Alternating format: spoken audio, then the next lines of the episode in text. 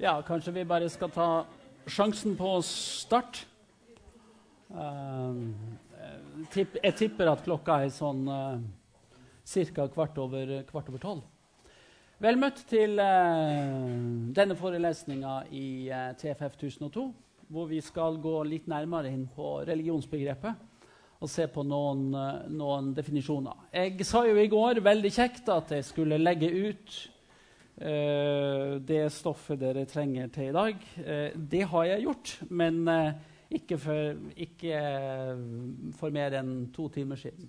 Så jeg ble vennlig påpekt at det var jo ikke blitt lagt ut. og det er riktig. Men det har altså skjedd for to timer siden. Så der ligger også de andre artiklene og det som det fra pensumlista sier klart at skal være tilgjengelig eh, elektronisk. Så nå er det gjort. Men det betyr jo at dere har ikke forberedt dere denne på den artikkelen til i dag. Men det er ikke så farlig. Eh, jeg skal snakke veldig fritt i forhold til den, så det, så det, så det spiller ikke sånn stor rolle. Det tar dere jo igjen etter, etter hvert. Men her er det altså mer eh, litt sånn det prinsipielle før vi går inn og ser på Nå fikk dere i går et lite overblikk ikke sant, i forhold til den religiøse uh, situasjonen i, i, Norge i dag. Uh, som jo er prega av en økende grad av uh, religionspluralisme. Men nå skal vi på en måte gå et lite skritt tilbake, og så skal vi se litt mer prinsipielt på religionsbegrepet. på omgrep og definisjoner. Hvis vi nå aller først uh, stiller spørsmålet hva er religion? Hva, hva, er det første dere tenker på når dere, hvis dere skal bli spurt om ordet, hva, spørsmålet hva er religion? Ja?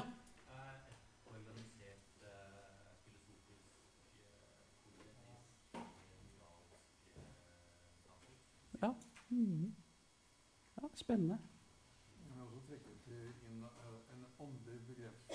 Ja. Mm. Mm. Mystiske elementer. ja. Ja. Går vi inn på innholdsbestemmelsen videre? Ja. Er det flere forslag? Det er ikke så lett. Ja. For de håpløse? Ja. ja, det var jo interessant. Det er nesten interessant å utfordre deg på hva du mener med det.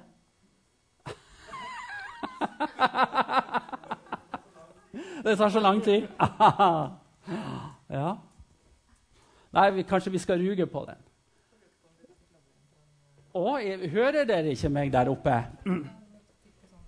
Nei, han ble Han ble, han ble um, Unnskyld. Han ble um, Han var automatisk uh, innlogga. Jeg trengte, ja, jeg trengte ikke å logge inn. Ja, så du, du tror det funker? Vi håper at det funker. Strålende. Takk skal du ha for du passa på meg.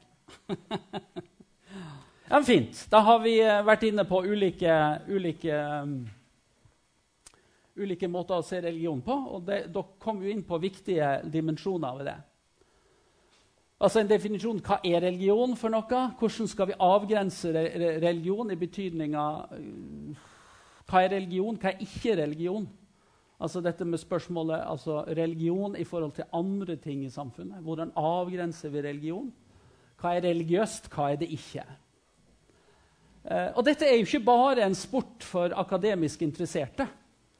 Det har jo faktisk en betydning, og det har vi jo sett nå i forbindelse med eh, asylsøkere, f.eks., som konverterer. Altså det å Eh, slutte seg til en religion betyr faktisk noe i forhold til om du får bli eller ikke bli. og alle sånne ting. Så Det kan faktisk også ha noen eh, praktiske konsekvenser for mennesker hvordan vi definerer religion.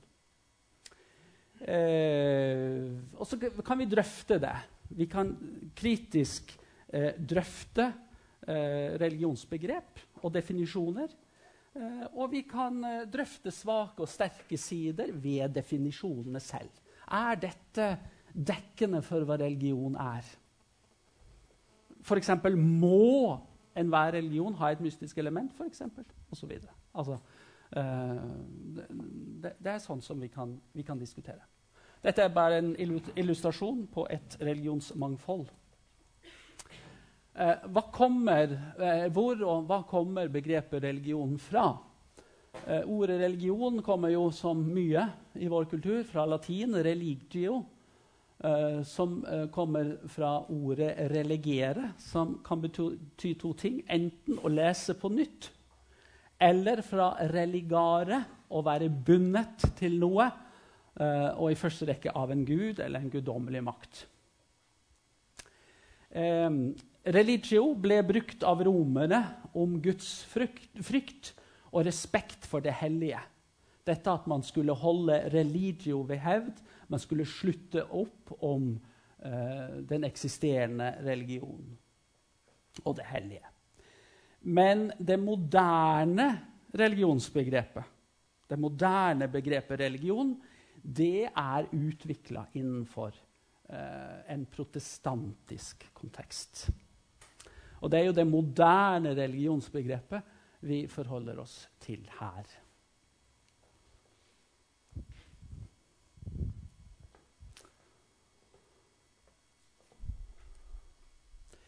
Um, det som har vært utviklinga, er jo at religion i stor grad er blitt skilt ut som et eget område i tilværelsen, eller et eget område, en egen sfære, i samfunnet.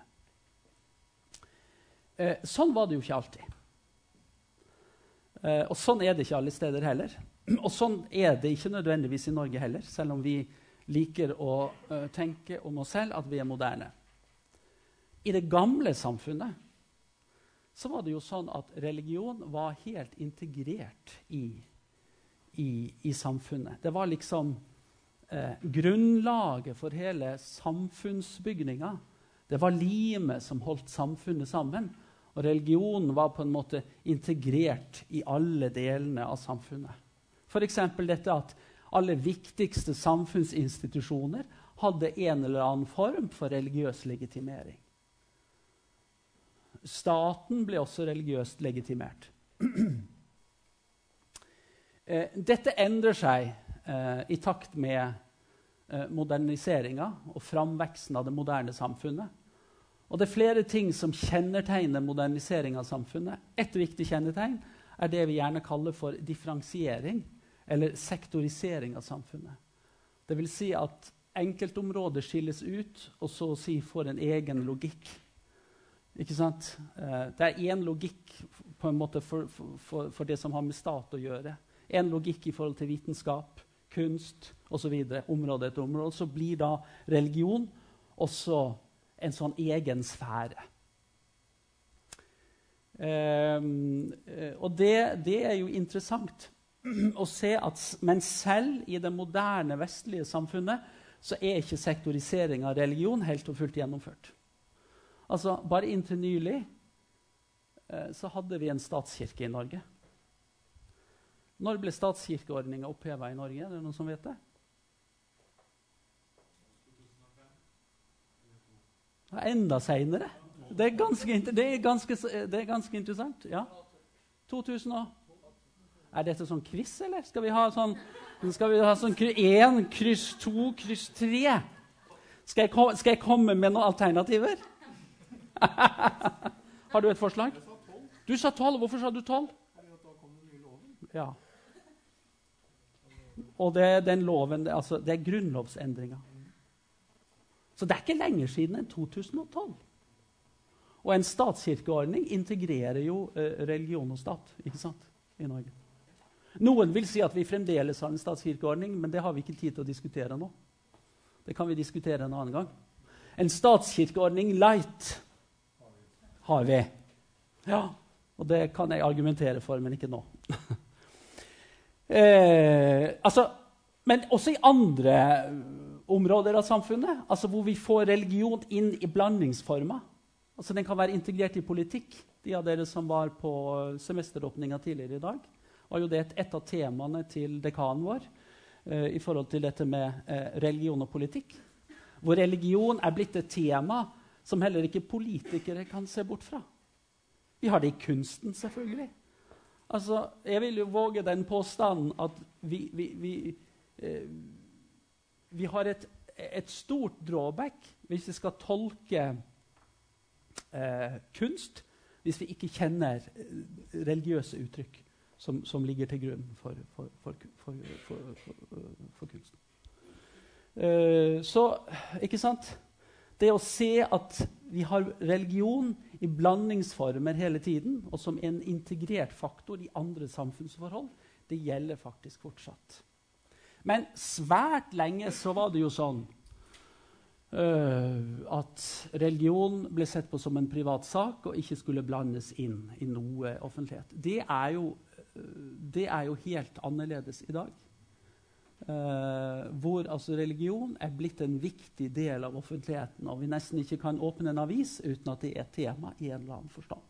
At, og Derfor så snakker vi jo om religionens tilbakekomst i samfunnet. Og Derfor er det jo viktig som dere gjør, at dere studerer religion. For det gir jo en viktig kompetanse til å forstå hva som skjer i samfunnet. Kjempeviktig. Vi kan snakke om to hovedtyper, to grunnkategorier av religionsdefinisjoner. Vi kan snakke om en substansiell eh, definisjon, eller substansielle definisjoner. Og vi kan snakke om funksjonelle definisjoner. Eh, det er slett ikke alltid at en religionsdefinisjon er det ene eller det andre. Ofte finner vi blandingsformer. Men det det handler om, det er at en substansiell definisjon peker på sentrale kjennetegn ved innholdet i, i, i religion. Altså type 'religion er'. Hvis du f.eks. sier 'religion er mystikk', da har vi altså en substansiell eh, religionsdefinisjon å gjøre med. Når det gjelder den andre hovedtypen, funksjonelle definisjoner av religion, så spør vi etter den nytte eller den funksjon eller den oppgave som religionen har for mennesker og samfunn. Så veldig kort fortalt hva som skiller en substansiell uh, definisjon fra en uh, funksjonell, det er at i ene tilfellet så spør du hva religion er, i det andre tilfellet så spør du hva religion gjør. Religion er, altså det substansielle. Hva er religion? Hva religion gjør? Altså hvilken funksjon den har. Og dette blandes. Og det skal vi se eksempler på.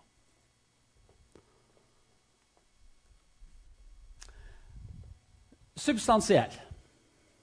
En klassisk definisjon den nevner smart i den artikkelen som dere, dere kunne ha lest hvis den var lagt ut i fronter.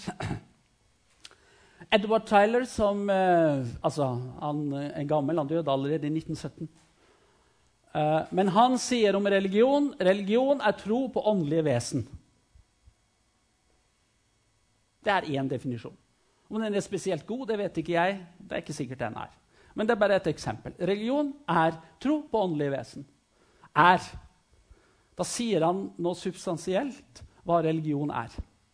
Det er en, et klassisk eksempel på en eh, substansiell definisjon av religion. Så er Taylor han, han, uh, han, uh, han jo, har jobba med dette og er inne i en ut, utviklingsteori. Men det som er hans sentrale poeng, det er at han vil finne en fellesnevner for religion. religion som forklaring på noe, og han skiller da også mellom primitiv og moderne religiøsitet. Og Det var en veldig vanlig måte å tenke om religion på den gangen, da han levde. Fordi for da så man på religion som et utviklingsperspektiv. Altså religion som en utvikling fra mer uh, primitive religionstyper og til mer avanserte. Og selvsagt så var det sånn at Den religionen vi har i vårt samfunn, og kanskje aller fremst protestantismen, i og med at moderne religionsvitenskap vokste fram innenfor protestantismen, det er på en måte den høyeste form for religion og den mest moderne form for religion. Slik tenkte man i et sånt utviklingsperspektiv. Men poenget uh, hos han altså et, uh, uh, et, eksempel på en substansiell religionsforståelse. Det som vi ser Allerede han var inne på dette med åndelige vesener.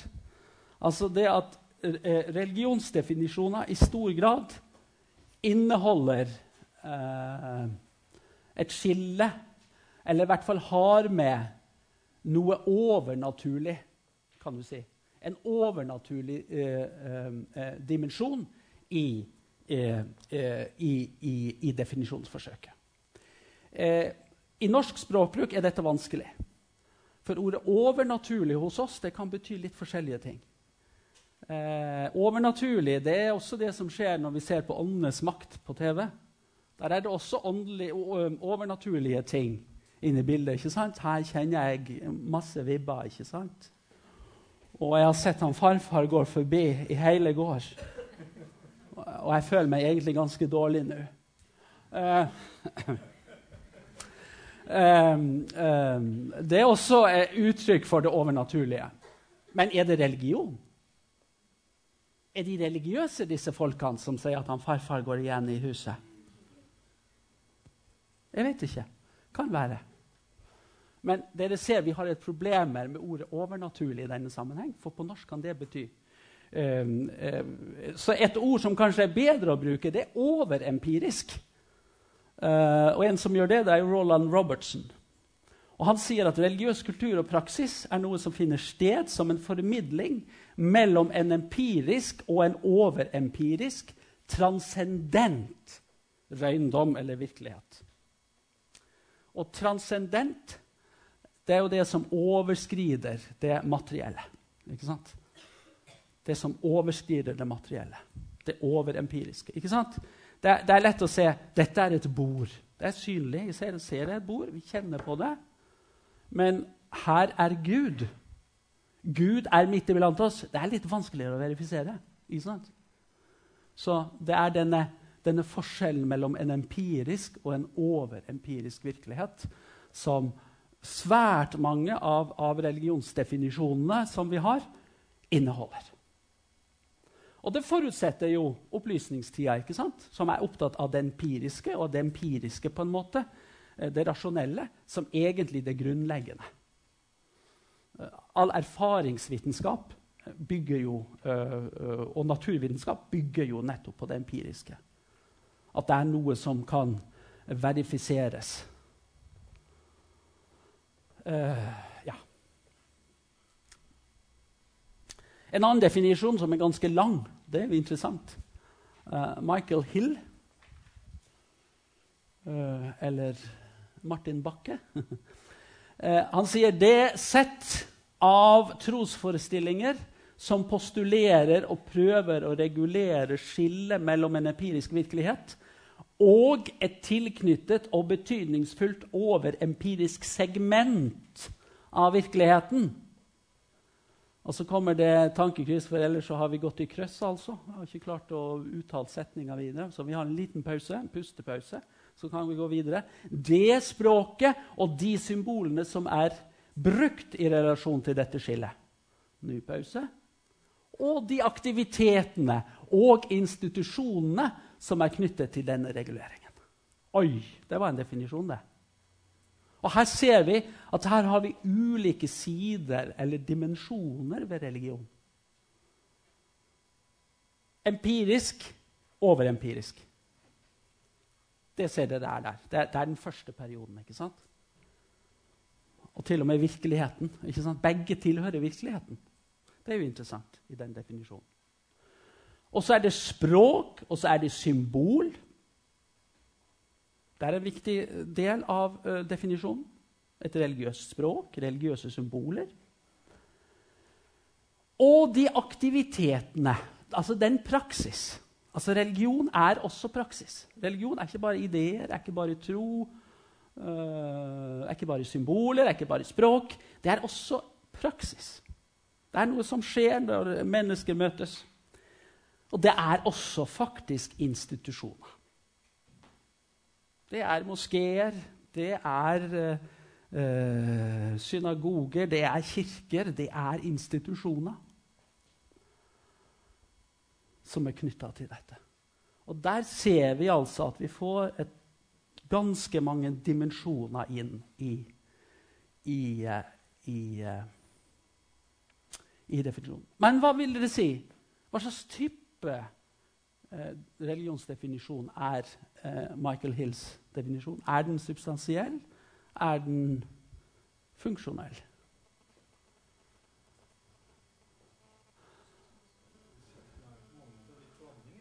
Ja, vil du si det? Ja. Jo, fordi at uh, han har en substansiell tilnærming i det første leddet. Mm. Når han går inn og snakker om språket, disse Mm. brukes, Mm. og praksisen, Mm. så blir han jo betydelig mer funksjonell, Mm. etter min oppfatning. Nettopp fordi at språk, uh, symboler, er noe du setter i en, i en reell kontekst. Da. For Mm. eksempel dåpen, den har jo en, en, en verdi i Mm. Mm. Ja. Men, det, men det er da en tolkning som du legger inn i det. Ja, ikke sant? Ikke sant?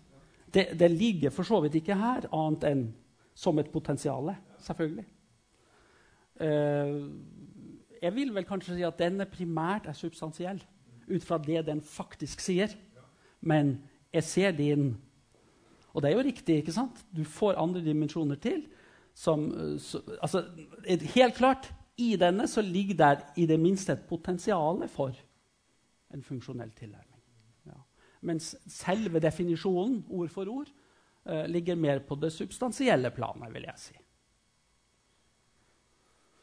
Ja, prøver å si hva religion er, og ikke så mye hva den gjør. Men ved at han løfter fram praksis, så nærmer du jo deg. Helt klart. Så er det, så er det likevel sånn at, som, også som vi egentlig var inne på nå, disse tingene er jo ofte vevd inn i hverandre. Uh, uh, altså Gud som handler inn i historia, som inkluderer masse ting uh, i definisjonen som, Hill gjør. Det ligger et potensial her som gjør at de veves inn eh, på en eller annen måte, selv om det ikke alltid er like tydelig. Som, som, uh, men en tilnærming til det er viktig. Um, men det som er viktig her Hos Hill så får vi ikke noe rangering altså mellom jeg har på å si, virkeligheter. Uh, han er opptatt av å si formidlinga. Eh, eh, han, rangerer ikke empirisk over empirisk.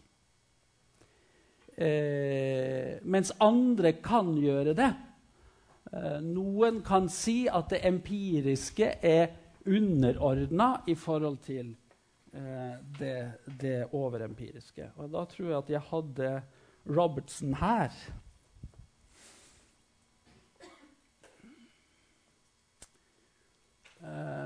Religiøs kultur og praksis finner sted som en formidling mellom en empirisk og en overempirisk transcendent. Altså en formidling mellom. Det kan eh, gå i retning av at han sier at det overempiriske er, er det primære her. Men også her det kan være vanskelig å lese det direkte ut fra definisjonen sånn som du står. Du må legge en tilleggstolkning til. Og det er det jo svært vanlig at man gjør. ikke sant? Og man ser hva slags potensial som eh, som ligger i de begrepene som brukes. Så ja. Så vi har eksempler altså hvor definisjoner ikke bare sier hva religion er, eller hva religion gjør, men som også har en rangering så å si, av hvilke virkeligheter som må med. Og svært ofte det kan jeg si, svært ofte i religionsdefinisjoner så er det sånn at det overempiriske på en eller annen måte er med. Det er svært sjelden i dag å finne en religionsdimensjon som ikke har det inne. Og Det kan jo tyde på at man, de som definerer religion, regner med at det empiriske er noe som tilhører religion og må være med. Ellers er det ikke religion. Det kan vi selvfølgelig også diskutere, men svært mange av definisjonene sier at det er et kjennetegn ved religion.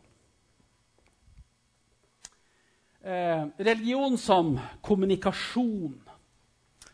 Eh, man forsøker å unngå etnosentriske definisjoner, altså som er knytta til bestemte religiøse tradisjoner. Altså det var jo ofte et problem tidligere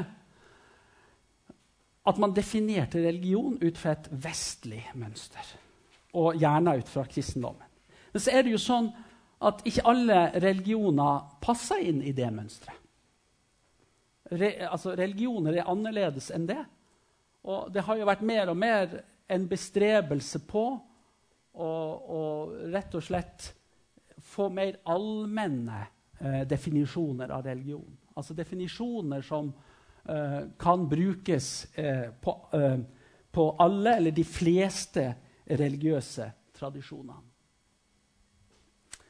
Her er ett. Melford Spiro, som sier at religion er en institusjon som består av kulturelt preget interaksjon mellom kulturelt postulerte overmenneskelige da bruker han superhuman vesener.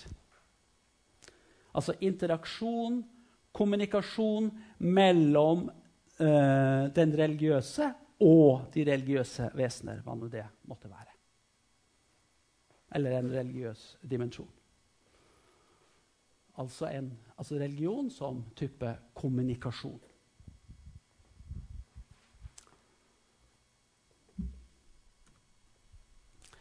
Så er det noen som forbinder religion med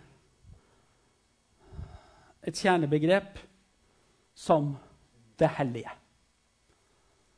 Uh, omgrepet 'hellig' som et kjernebegrep.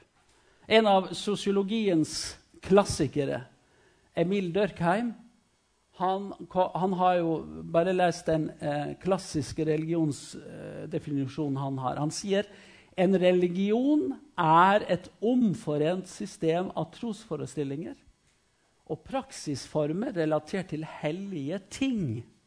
Der kommer hellig inn. Det vil si som er skilt ut og forbudte. Altså Hellig er det som er skilt ut. Trosforestillinger og praksisformer som forener alle som slutter seg til dem, til et moralsk fellesskap kalt en kirke. Og Her møter vi i hvert fall én svakhet med Durkheims teori, og det er det at han så tett kobler det til begrepet en kirke. Ikke alle, slett ikke alle religioner eh, passer inn eh, med, med, bruk av kirkebegrepet. ikke sant? Men altså relatert til hellige ting. Det hellige på en eller annen måte. Uh, altså Religion forholder seg til det hellige, eller til hellige ting, på en måte. Uh, på, på, uh, og nå ser du da igjen et spørsmål. Hva er så det hellige? Altså Det kan man jo igjen si en svakhet ved en sånn definisjon. For da må man jo igjen begynne å lure på hva er hellig, og hva er hellige ting. Så en definisjon som uh, skaper et behov for en ny definisjon, er kanskje litt Jeg er ikke helt god, da. Men hva ser vi her? Uh, her kombinerer han Jeg syns det er tydeligere. Selv om vi kunne argumentere for det i det forrige tilfellet. Men her er det tydelig at han kombinerer substansielle og funksjonelle elementer. Hvordan ser vi det? Jo, dette med ikke sant? Det går på praksis, selvfølgelig. Men han sier at det er Det forener, ikke sant? Altså, Den har en funksjon. Det forener alle som slutter seg til. Og den forenes til et moralsk fellesskap. Altså, Det sier om noe hva den religionen gjør. Den forener. Så der er det veldig tydelig også direkte ut fra definisjonen sjøl. Samtidig som man kombinerer altså uh, Har også substansielle uh, en subsidiell uh, definisjon inni det hele. Men det hellige, det er jo ikke lett. religionssosiologen Peter Bircher han sier at religion det er menneskets relatering til det han kaller et hellig kosmos. En enda mer, mer kjent, eh, eller en klassiker, er jo Rudolf Otto, som sier at det hellige er det som fyller mennesket med ærefrykt og fascinasjon. Han kaller det for 'mysterium tremendum et fascinosum'. Og Det betyr det er både det som skremmer, og det som fascinerer. Det hellige er både det som skremmer, og det som fascinerer. Um, ærefrykt og fascinasjon uh, på samme tid. Det hellige som er vanskelig så å si, for mennesket å, å nærme seg. Uh, igjen, det hellige er jo et vidt begrep. Hvis vi skulle, hvis vi skulle ha prøvd å ha en sånn uh, liten runde her i salen, så er jeg sikkert på at dere har kommet opp med forskjellige synspunkter på hva hellig er. Jeg kunne ha spurt hva er hellig for deg, og hva er hellig for deg, og det er ikke sikkert at de hadde blitt det samme. Ikke sant? Um, og det er vanskelig å definere religion. Jeg tenker at det det er, det er, um, det er kanskje en hoved, hovedslutning vi kan, vi kan, gjøre. Det er vanskelig å definere religion. Fordi når vi sier hva religion er, så snevrer vi det inn. Eh, en definisjon snevrer noe inn, med den fare da at det er andre ting som faller utenfor, men som likevel vil være sentralt ved religion. Eh, så en tendens kan jo også være at man forsøker seg på mer vide definisjoner av religion og si at religion er mer enn det som skjer i hellige hus. Religion er mer enn det som skjer i kirker, i synagoger, i moskeer, i templer. Eh, religion skjer i grunnen overalt. Eh, men da har vi også et problem. fordi hvis vi får altfor vide definisjoner av religion, så blir det jo litt ubrukbare. Da er jo liksom alt religion til slutt. Er f.eks. fotballgalskap religion? Ja. Det vil noen si ja til. Jeg skal, jeg skal ikke Det er ikke det for meg, men uh, det kan være det for andre. selvfølgelig. Og igjen, altså Det å Ikke sant? Hva, hva er det den Definitivt, hvis fellesskap og fellesskapsfølelse er viktig ved religion, så er fotballentusiasme det. Uh, det overempiriske Hva kan det være, da, eventuelt, med fotball? Altså, men spørsmålet er altså, igjen dette Hvor snevre, hvor vide skal vi ha definisjonene? Det er faktisk også en utfordring. Mm.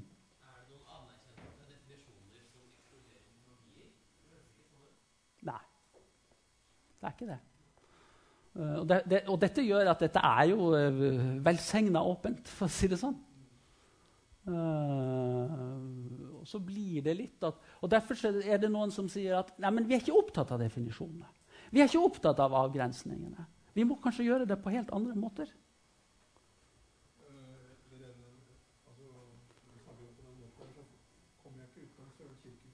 Nei.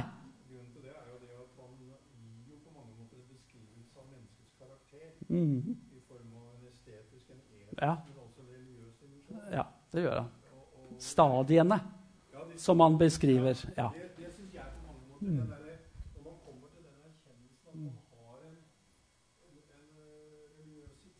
mm. Mm. Så er det i grunnen godt nok grunnlag for å si at jeg Ikke sant. Ikke sant. Men så er det spørsmålet igjen hvordan du, hvordan du da forstår det religiøse. Da, ikke sant? Hva det religiøse kan være.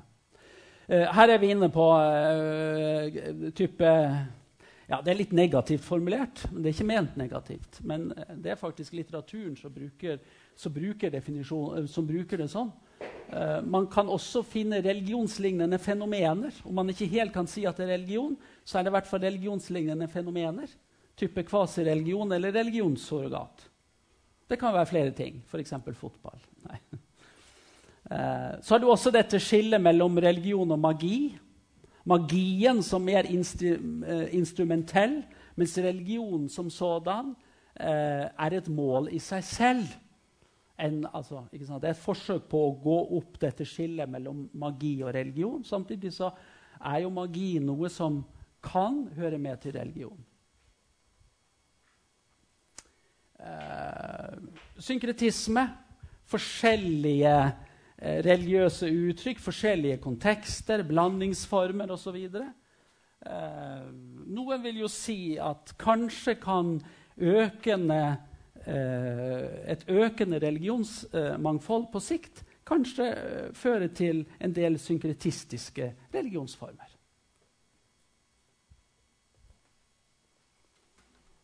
Og det ser vi jo f.eks. At enkelte som vil si at de er kristne, de sier at 'jeg tror på reinkarnasjon'. Reinkarnasjon er en tanke som ikke hører kristendommen til, men som kommer inn annet sted fra. Det er jo ikke på ingen måte umulig. Um, funksjonelle definisjoner det er jo først og fremst knytta til religion som forsøk på å skape mening og identitet i tilværelsen. Thomas Luckman sier at den menneskelige organismens overskridelse av sin biologiske natur det er for han religion. Og det er igjen dette med eh, altså For i det hele tatt å overleve som menneske så trenger eh, mennesket den evnen til å overskride sin biologiske natur. Altså For i det hele tatt å overleve det faktum at vi alle skal dø Nå høres jeg kjempedeprimert ut, eh, men eh, likevel. Eh, det er jo et faktum som vi vet. Vi skal alle dø, men vi gjør alt vi kan for å fortrenge det. Religion kan være, ha den funksjonen at han hjelper oss til så å si å holde døden fra livet. I hvert fall en stund til.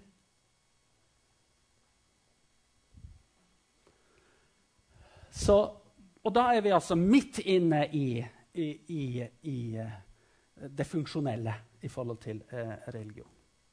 Mening i tilværelsen. Robert Bella som sier at religion er et sett symbolske forestillinger og handlinger hvor menneskene får et forhold til sine ytterste eksistensvilkår. Livet og døden, for å si det sånn. Livet og døden og kjærligheten.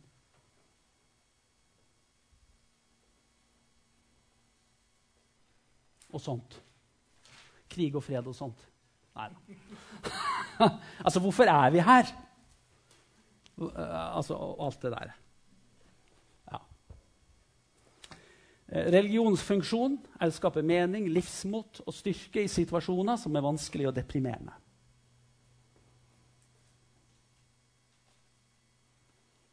Og dermed får den en integrerende funksjon. Det får oss til å se meninga og stå opp om morgenen. Ja, ikke bare det, da, men bidrar til det i hvert fall.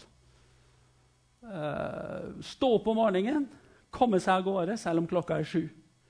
Det er dypt meningsløst å stå opp klokka sju hvis du ikke har, føler at du har noe mening med det. Er dere ikke enig i det? Syns det er fælt å stå opp klokka sju? Ja. Så er det noen som er eh, bygd annerledes. Syns det er fælt å være oppe lenger enn klokka ti. Ja. Skal vi ha noen innvendinger mot dette, da? Alt dette som nå er sagt. Det fins masse innvendinger. Eh, en innvending mot den funksjonelle definisjonen av religion er at det negative og eventuelt problematiske ved religion ikke kommer så tydelig fram. Vi ser bare hva, hva religion positivt kan bety. Men vi vet at religion også har negative sider. Og vi skal være kritisk til religion og hvordan religion brukes. Også. Og så er det jo et spørsmål også handler religion alltid om de dypeste spørsmål. Nei. Det er jo så mye flisespikkeri i religion. Hva, kan, hva er tillatt, hva er ikke tillatt? Noen syns at den evinnelige debatten hvorvidt samkjønna kan gifte seg eller ikke, det er en håpløs debatt. For noen er dette overhodet ikke et vesentlig spørsmål. Og syns det er bare dumt å diskutere det så veldig hardt. Mens andre sier at dette henger jo hele tilværelsen på og hvordan uh, mennesket og menneskets tilværelse er konstruert. Ikke sant? Da er vi rett inne i det, i sprengstoffet, med en gang. Uh, og et tredje punkt. Bidrar sånne klare funksjonelle definisjoner, substansielle også for så vidt, til mer sånn reduksjonistiske definisjoner av religion? At vi bare tar ut dermed sider av religion? Og så bidrar vi til å på en måte en reduksjonistisk forståelse av religion. At religion bare er dette, og så glemmer vi de andre tingene. Ja. Og så har vi videre og snevre definisjoner. Og det er det siste jeg skal si nå, tror jeg, for jeg må styrte opp. Fikk jo sagt mye på kort tid, egentlig. Altså, Vide definisjoner kan virke tilslørende. Ikke sant? Religion er på en måte alt. Men er det alt, så er det også ingenting. Eller ofte svært fort ingenting. Uh, men vide definisjoner kan samtidig hjelpe oss til å lete etter religion også der en ikke skulle tro at religion fantes. Uh, og kanskje skal vi bruke hverdagsspråket som en type moderator. Altså, Hva er det meningsfullt å snakke om som religion for oss og i vårt samfunn? Og at det, ha det som en sånn type guideline i forhold til det. Ok, Det var så langt vi kom i dag. Eh, nå skal dere få litt informasjon. Bare kom fram. Så skal jeg avslutte her. Og når de er ferdig, så kan dere gå ut og nyte stensommeren. Eller, eller, eller hva dere vil, selvfølgelig. Takk for nå.